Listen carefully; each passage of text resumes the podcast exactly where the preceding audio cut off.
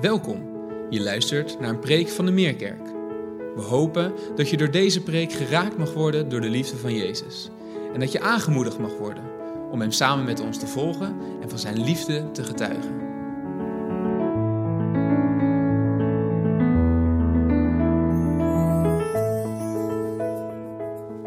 Goedemorgen. Hier fysiek. Wat een feest. Maar ook thuis of elders, misschien in de camping, binnen buitenland. Wat geweldig dat we verbonden zijn. Dank ook voor jullie uh, warmte, uitgedrukt in het applaus voor mijn verjaardag, mijn geboortedag. Ik ben heel dankbaar voor uh, zoveel liefde ook. Uh, op allerlei andere manieren al vanmorgen vroeg en gisteren. En vele blijken van meeleven en felicitaties. Dat is hartverwarmend en dat doet zo goed en is zo gewaardeerd. Ik moet zeggen dat het mijn mooiste verjaardagscadeau is om hier vanmorgen te zijn. En wel om samen de Bijbel te openen bij misschien wel het allermooiste gedeelte in de Bijbel, de bergreden. Wij denken vaak in Bijbelteksten of in een Bijbelgedeelte zoals Anneke en velen wereldwijd. Eh, Psalm 23, in het Nieuwe Testament vaak Johannes 3, vers 16, want al zo lief heeft God de wereld gehad dat hij zijn enige geboren zoon gegeven heeft. Maar het is ook goed om een heel gedeelte met elkaar tot ons te nemen. En dat gaan we doen. En we beginnen vanmorgen bij Matthäus 5, het begin van de bergreden, eigenlijk de inleiding op de bergreden. Namelijk de versen 1 tot 3a. Ik lees het nog een keer voor. Toen hij, dat is Jezus, de mensenmassa zag, ging hij de berg op. Daar ging hij zitten met zijn leerlingen om zich heen. Hij nam het woord en onderrichtte hen. En zijn eerste woorden waren: Gelukkig wie? En daar eindig ik. Gelukkig wie? Die woorden, eigenlijk één woord, we gaan het straks zien, het Griekse makarios, gelukkig, dat is het eerste woord van Jezus in de bergreden. Oudere vertalingen zeggen zalig wie, welgelukzalig wie, gezegend wie. Als je een Engelse Bijbel hebt, dan zal daar staan in de meeste vertalingen blessed, gezegend wie. Nu, om dat woord zalig wordt het eerste gedeelte van de bergreden ook wel genoemd de zaligsprekingen. Dat oude woord houden we er nog in. Dat heeft ook een wat diepere betekenis dan het woord gelukkig. Dat kunnen we in de volle breedte van het woord gebruiken, maar de vraag is hoe diep is dat geluk? Bij zalig kun je eigenlijk niet over dieper geluk spreken dan wel geluk zalig we zijn in Christus. Straks tegen het einde van de boodschap wil ik nog iets zeggen over dat woord gelukkig. Daarom dat ik ook heel bewust geëindigd ben met dat eerste woord wat Jezus uitspreekt. Maar laten we beginnen bij vers 1. En eigenlijk vanmorgen de inleiding doen op de bergreden. Vers 1 begint met: Toen hij de mensenmassa zag, ging hij de berg op. En zo komen we ook aan de naam de bergreden. Simpel omdat het op een berg was dat Jezus zijn reden, zijn toespraak, zijn preek hield. We kennen allemaal de troonrede die komt er weer aan nog even en het is zover, de derde dinsdag van september. We zouden de bergrede de troonrede kunnen noemen van Gods koninkrijk. Het bestrijkt, Patrick zei het al, drie hoofdstukken. Uh, bijzonder in Matthäus, je vindt ook fragmenten in de andere evangeliën, maar drie hoofdstukken aan één in het Matthäus-evangelie, de hoofdstukken 5, 6 en 7. Nu het voorgaande hoofdstuk, Matthäus 4 dus, daar lezen we een beetje wat er gaande was op dat moment. We lezen dat Jezus rondreisde. Hij was zijn bediening begonnen op aarde, zoals we dat noemen, 30 jaar jong. En we lezen dat hij aan het begin van zijn bediening predikte in de verschillende synagogen van Galilea, het noorden van Israël. En overal waar hij kwam, genas hij ook de zieken. Dus je kunt je voorstellen dat een hele mensenmassa op de been kwam. Maar in hoofdstuk 5 zien we dat hij zich juist onttrekt aan die mensenmassa. Door de berg op te gaan. En wel om de reden dat Jezus alleen wil zijn met zijn twaalf discipelen, zijn twaalf leerlingen. Jezus heeft hen kort daarvoor, dat kun je ook lezen in Matthäus 4, hij heeft hen kort daarvoor geroepen hem te volgen. Toen ze nog volop in het leven stonden. Bedenk, vissers aan het meer van Galilea. Ineens zijn ze daar bezig met hun netten, hun hun, hun vangst. En dan komt Jezus langs als een rabbi en zegt, volg mij.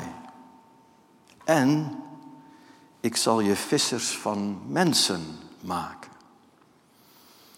Bijzonder dat hij de biografie van hen neemt, vissers van vissen. En hij roept en zegt, volg mij, ik zal je vissers van mensen maken. Ik zal maken. Daar komen we straks op terug. En ze hadden de netten en de netten gelaten voor wat ze waren. En de boten de boten. En ze waren dus inderdaad daar ter plekke, terstond, zegt Matthäus hem, gevolgd.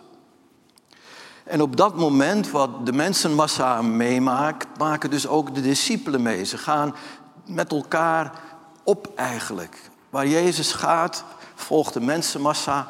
En de eerste die volgen zijn uiteraard zijn volgelingen, zijn discipelen. Die staan er allemaal met hun neus bovenop. En misschien zullen ze soms wel gedacht hebben, ach wat is hier gaande. Dat wij met z'n twaalfen geroepen zijn, maar kijk al die mensen eens. Van heinde en verre komen ze. Want ook zij willen van Jezus horen. En willen door hem genezen worden. Ze brachten hun zieken mee.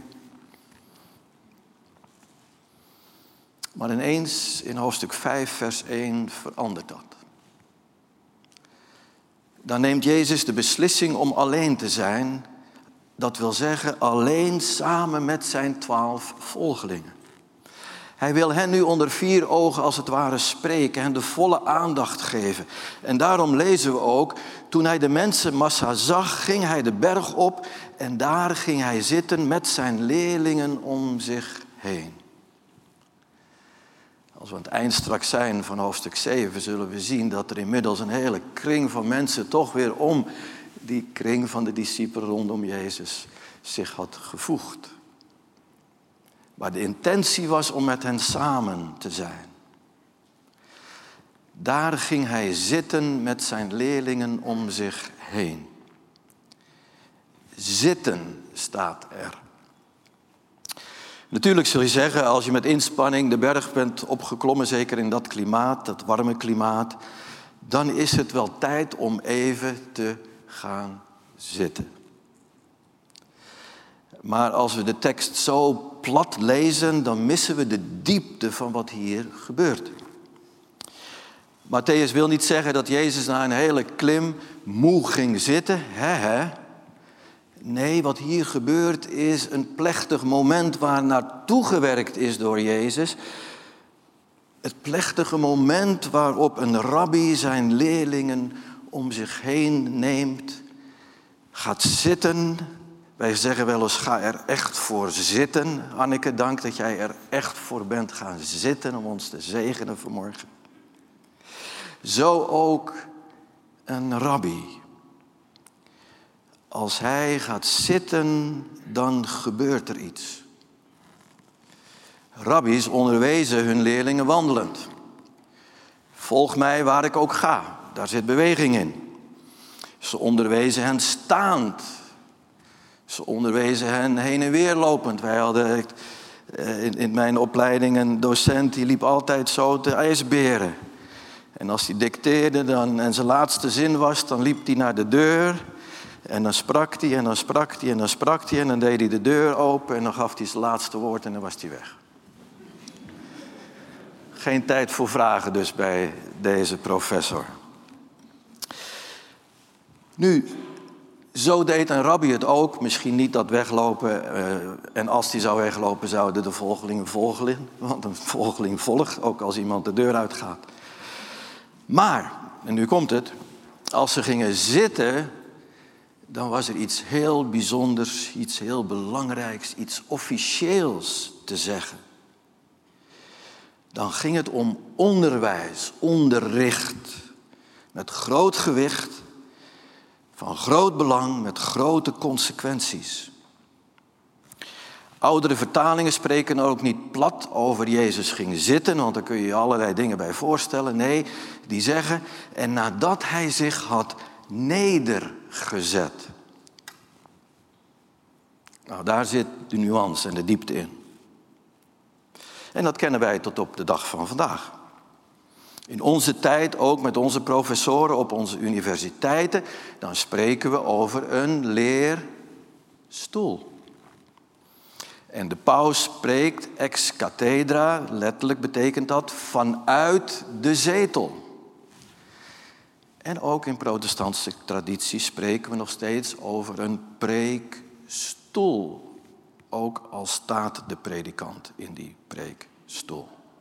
Het is een preekstoel. Dat is allemaal een lange traditie van er zijn plekken en, en postjes zou je zeggen, een houding en in dit geval zitten waar iets gaat gebeuren. Matthäus neemt ons dus de berg op naar de plek waar Jezus gezeten is om, zou je kunnen zeggen, vanuit zijn door God gegeven leerstoel de discipelen officieel toe te spreken. En dat moet heel indrukwekkend geweest zijn. We lezen niet over de reacties van de discipelen, maar helemaal aan het eind van de bergreden, hoofdstuk 7, aan het eind.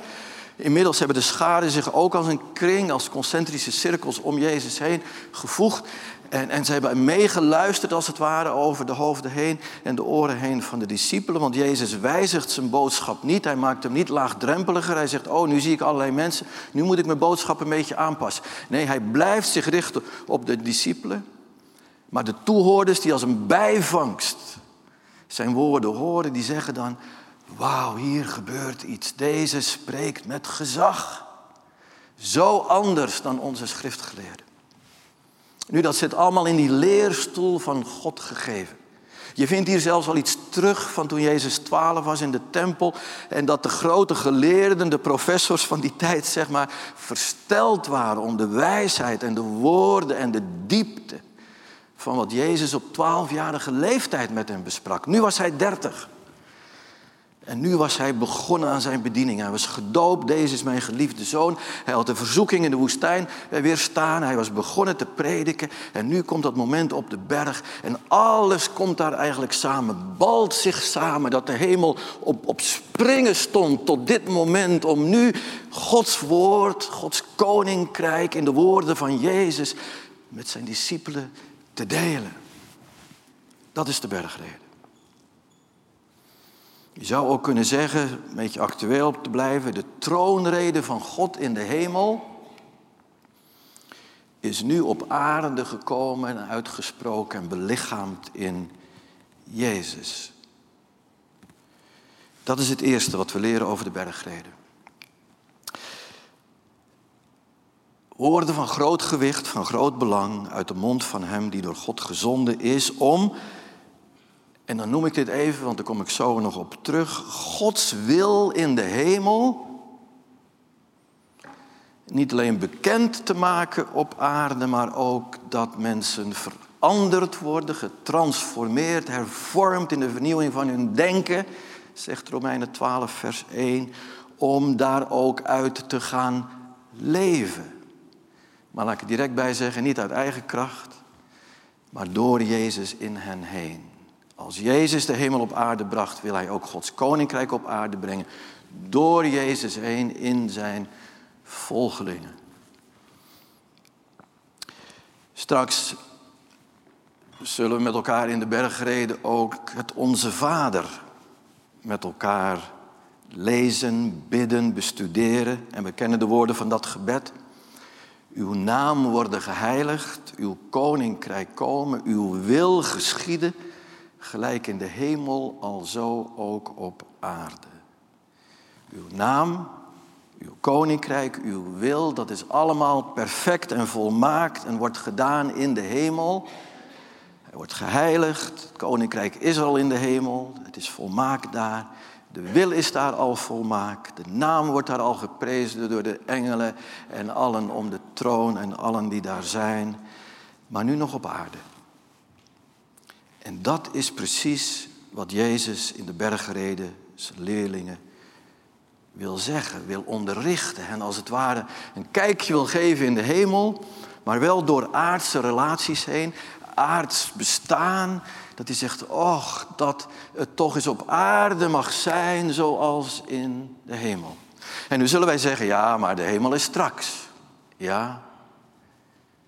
En toch zullen we ook lezen, gij dan zult volmaakt zijn als uw hemelse Vader. En daar wil God in Jezus Christus door zijn Heilige Geest nu al een begin mee maken. Als Anneke vertelt over de doop en achterover viel, dan is dat je oude leven, je aardse denken, je vlees, alles wat daarvoor staat, achterlaten, begraven, als voor dood verklaren om in een nieuw leven op te staan. Dat is het leven van de bergreden. Als je de bergreden zo ziet, in het bijzonder door het zo bekende Onze Vader, door die lens kijkt, dan begrijp je ook inderdaad dat het de troonrede is van God. En die troonrede mag Jezus uitspreken op aarde. In de hemel hoeft hij niet meer uitgesproken te worden. Daar is het al volmaakt. Daar is de naam al geheiligd. En is het koninkrijk al gekomen. En wordt de wil van God al gedaan. Maar nu nog op aarde. En daarom als wij geneigd zijn om, als we denken over ons leven en onze carrière en de stappen die we nemen, de keuze die we moeten maken, zeggen ja, ik wil bidden om Gods wil. Oh, had ik maar een briefje uit de hemel. Dan betrekken we dus heel erg eendimensioneel op onszelf. En, en, en denk aan ja, mijn volgende stap en mijn keuze, wat wil God? Misschien is Gods keuze veel breder, dieper en rijker dan dat. En gaat het om Hem kennen, wat Hij wil niet alleen met jou, niet alleen zelfs met ons als gemeente, maar wil op deze aarde. Nou, je begrijpt, er is een hoop uit te diepen, nu al over de dingen die ik aangetipt heb, nog maar als inleiding. We lezen verder in Matthäus 5. Toen hij de mensenmassa zag, ging hij de berg op, daar ging hij zitten met zijn leerlingen om zich heen. Hij nam het woord en onderrichtte hen. Ook in deze woorden geeft Matthäus ons een, een, een diepe inkijk van wat hier gebeurt. Letterlijk staat er, hij opende zijn mond. En dat is geen dragende taal om te zeggen dat iemand iets gaat zeggen. Nee, in de Griekse taal heeft het een dubbele lading. De eerste betekenis is dat het een plechtig, een bindend, een belanghebbend woord is met consequenties. Ik zei het al. De tweede betekenis, en die lees je er niet zomaar uit, is dat iemand iets heel persoonlijks vanuit zijn hart, haar hart wil delen met degene die daarbij is. Deelt uit het diepst van zijn hart. Het is een intiem woord, daarom dat Jezus de discipelen ook apart neemt en zegt, ik wil jullie iets van mezelf delen, zoals je soms wel eens in gesprekken waar het misschien rumoerig is en iedereen zijn verhaal doet, misschien wel zijn borrel praat en je zegt, zullen we even naar buiten gaan? Nou, dat is sowieso goed in coronatijd, je moet het eigenlijk alleen maar buiten doen. Maar zullen we eens, en dan ineens ontstaat er een gesprek van hart tot hart. En dan denk je, wauw, wat gebeurt hier? Er gaat een wereld voor me open. Dat is Jezus. Dat is de rabbi die gaat zitten, zijn mond opent en onderricht geeft. Officiële woorden aan de ene kant met goddelijk gezag,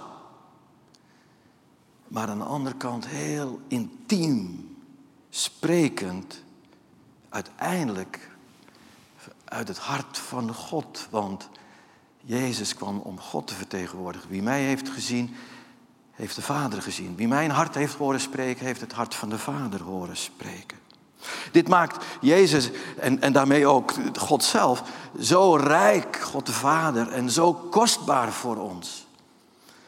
De bergrede is dus geen plechtige religie God verlangt naar een relatie, een hartsrelatie zou je kunnen zeggen. En in de bergreden komt ook eigenlijk de uitnodiging. O, de discipelen zijn gevraagd, geroepen, kom achter mij en volg mij. Ik zal je maken, maar voordat er iets gemaakt kan worden, moeten we eerst iets zijn.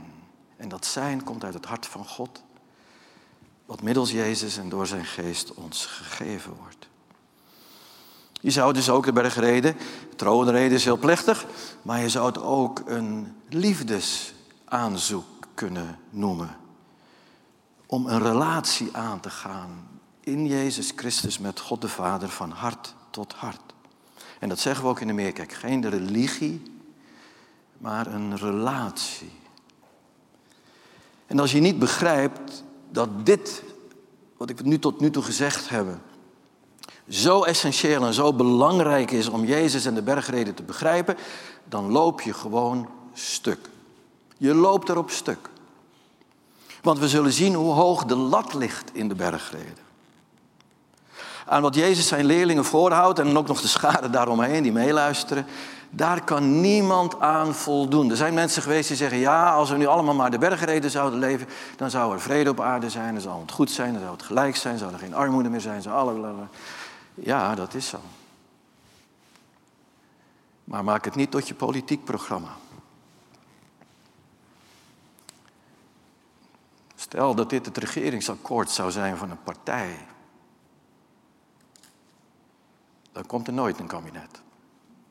Dan komt er nooit een regering. Dit is van een totaal andere orde. En laten we meteen maar de disclaimer noemen: dat als wij de bergreden gaan lezen en we worden ontmoedigd te zeggen: het wordt nooit wat met mij, nou dan is dat inderdaad zo. Want als het dan van ons moet afvangen, de tweede, we hebben de bergreden al 2000 jaar onder ons. Landen zijn gekerstend, zijn christen geworden. Het zijn nou precies in die gekistende landen dat we twee verschrikkelijke wereldoorlogen net gehad hebben. Er zijn nog mensen onder ons die de tweede hebben meegemaakt en nog leven en denken. Een christelijke natie en de bergreden. Dus wat de bergreden eigenlijk met ons doet, is dat we in de armen van Jezus geworpen worden. Zelf kunnen we het niet. En dat gevoel hadden we al bij de wet van Mozes.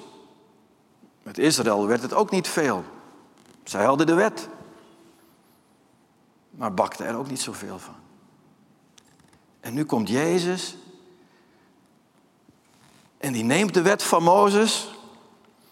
En die gaat nog veel verder en veel dieper dan Mozes ooit kon doen. We zullen straks lezen over bekende gedeelten. Waar Jezus zegt, Mozes zegt, de wet van Mozes zegt, maar ik zeg u. En dan legt Jezus de vinger op de plek, niet van het uiterlijk breken van de wet. Kijk eens, je bent door rood licht gegaan, ik zag het gebeuren met mijn ogen, fysiek. Nee, je bent in je hart door rood licht gegaan, waar niemand het ziet. Even uitspraken die natuurlijk iedereen wel kent uit de bergreden, wie een andere vrouw dan zijn eigen vrouw aanziet om haar te begeren. De wet van Mozes zegt, je mag geen overspel plegen. Fysiek. Maar Jezus zegt, ja maar wacht even, er is ook nog een overspel plegen in je hart als je haar begeerlijk aanziet. Anders dan je, anders dan je eigen vrouw heb je in je hart overspel gespleegd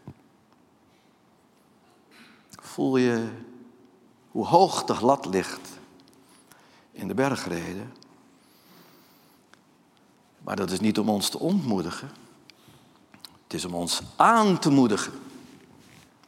Aan te moedigen te rennen naar het kruis. Aanmoedigen te rennen naar Jezus. Daarom dat we ook het woord verootmoediging in onze drie V's hebben. Als we al niet verootmoedigd zijn en, en, en ons nederig en klein voelen, in alles van de afgelopen jaren, nou dan, dan, dan zal het toch zeker gebeuren als we de berg reden. Dan denk je, zal het ooit wat worden met mij? Nee, laten we die disclaimer gewoon noemen. Maar ga niet bij de pakken neerzitten en laat de duivel je niet influisteren. Het wordt nooit wat met je. Maar ren naar het kruis. Verzaak je samenkomsten niet. Dit is je levenslijn. Daarom ook prachtig de stoel van Anneke bij het kruis. Want daar moeten we het van hebben, van die Heer Jezus. En Hij wil ons hart winnen. Winnen door Gods genade. Winnen door Gods liefde.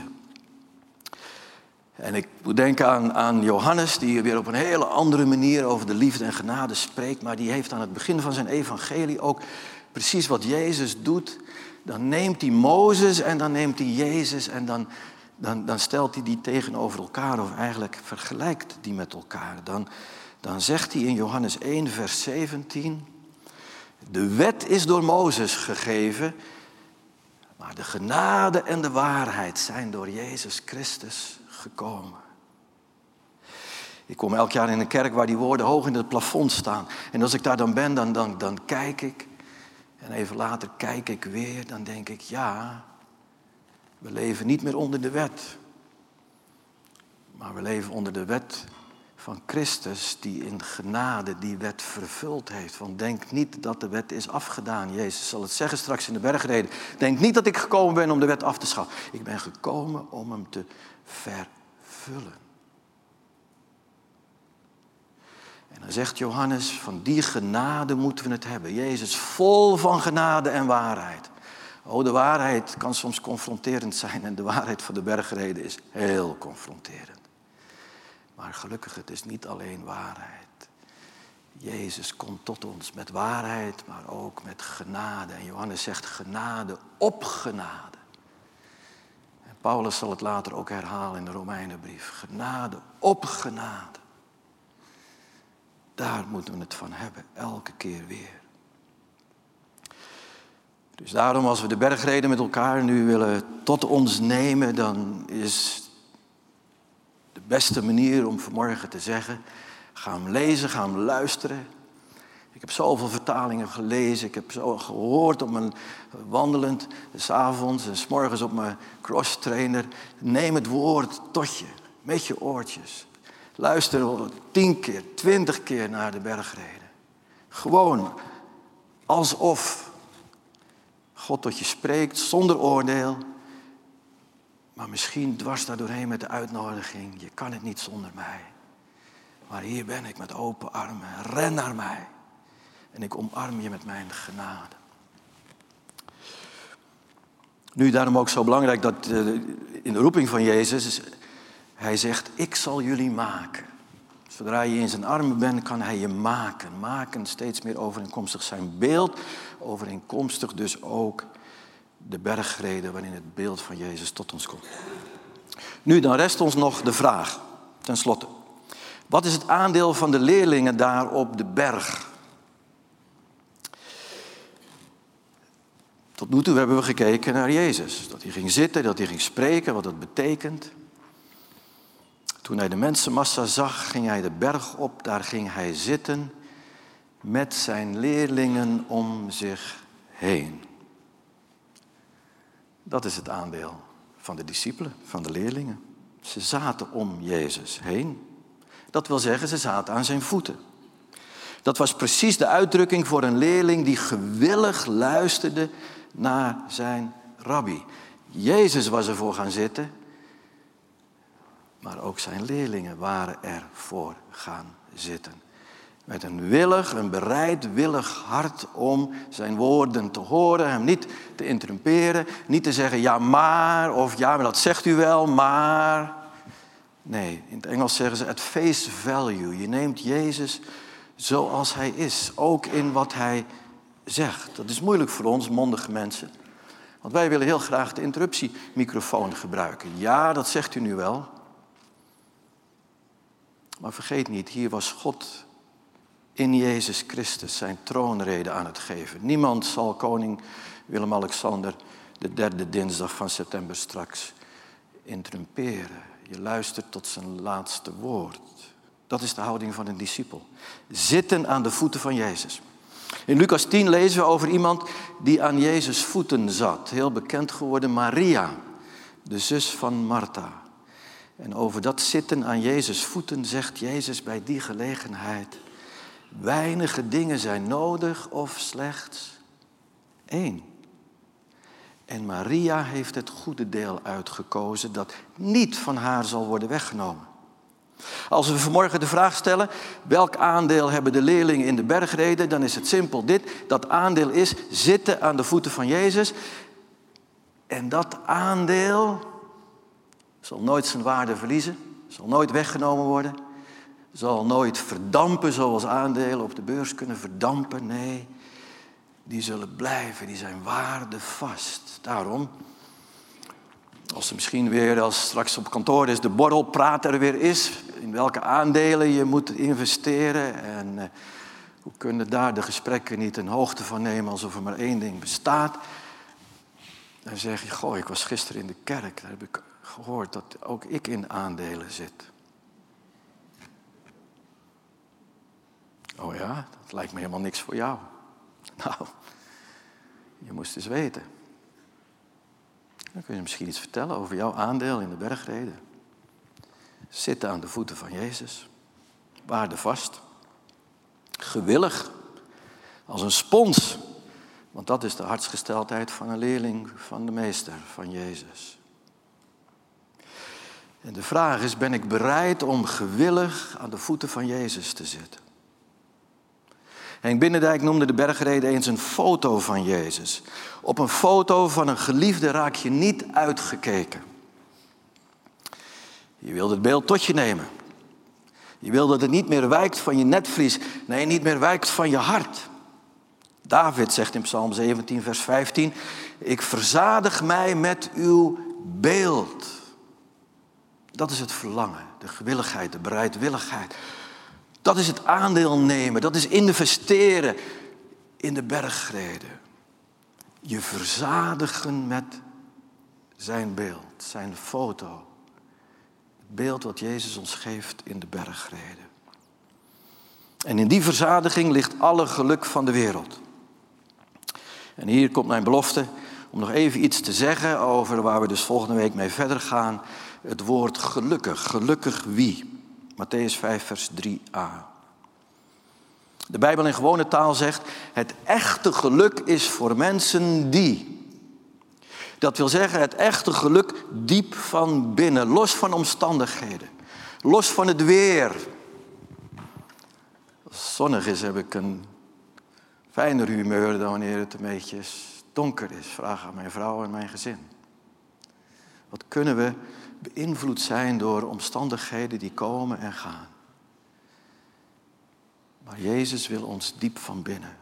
Daarom heet hij ook de zon der gerechtigheid. Het mag buiten somber zijn, maar met de zon der gerechtigheid, Jezus, in ons hart hebben we een vrede, een vreugde, een geluk dat niet op kan en dat niemand ons kan wegroven, zegt Jezus in het Johannesevangelie.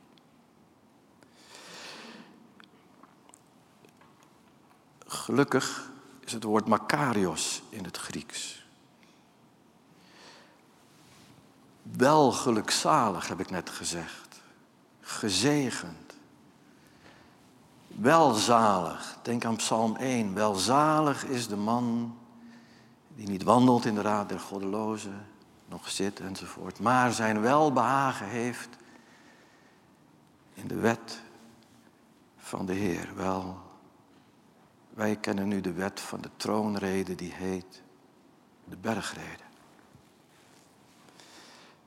Wil je die diepe zaligheid kennen? Welzalig jij man, jij vrouw, jij meisje, jij jongen. Over die diepere, diepere, diepere zegen en zaligheid en gelukzaligheid gaan we met elkaar spreken. Is geen happiness. En we horen niet anders dan happiness. Kijk in je mailbox, je wordt er gek van. Gisteren kreeg ik er weer een. Happy you. En dan kwam het, de aanbieding. Weet je dat het woord happiness de stam heeft hap? En hap betekent chance, kans. Het is gewoon lot in de loterij. Wil je overgeven aan een lot in de loterij voor je leven en je levensgeluk?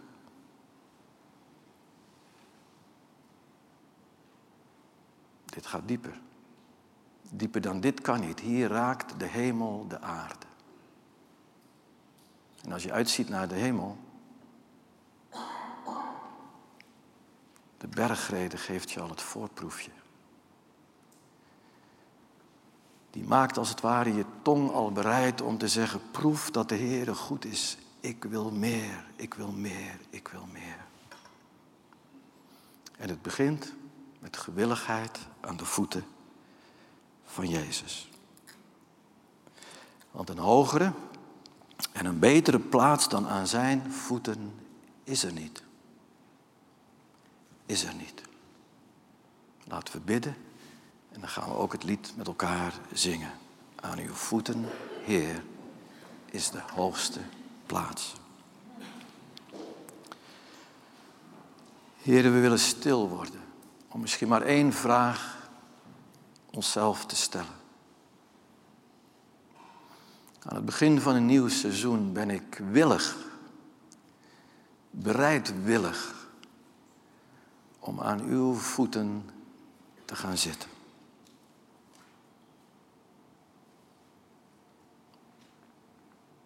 U kent ons bestaan. En u weet hoe we geregeerd worden door de klok,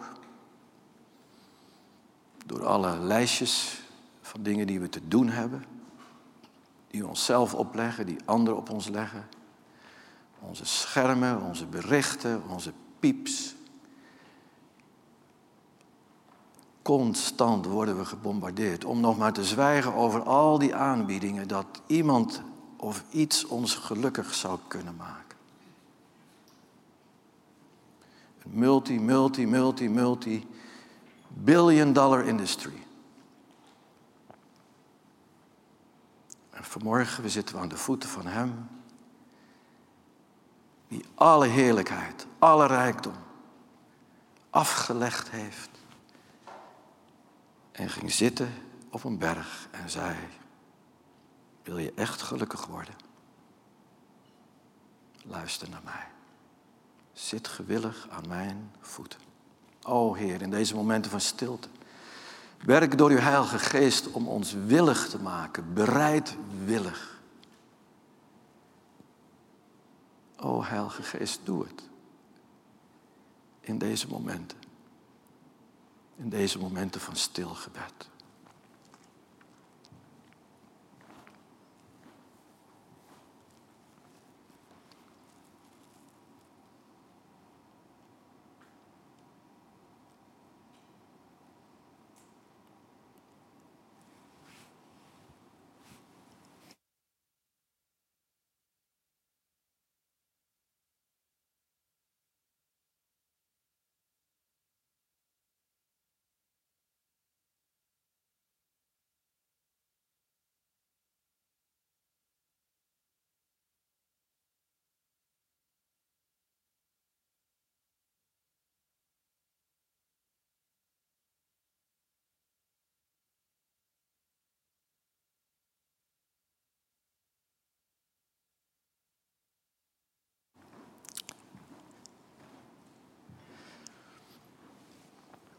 Dank u wel, heren, dat we deze tijd mochten nemen, maar eigenlijk is het maar een moment, hetzelfde moment als van de discipelen.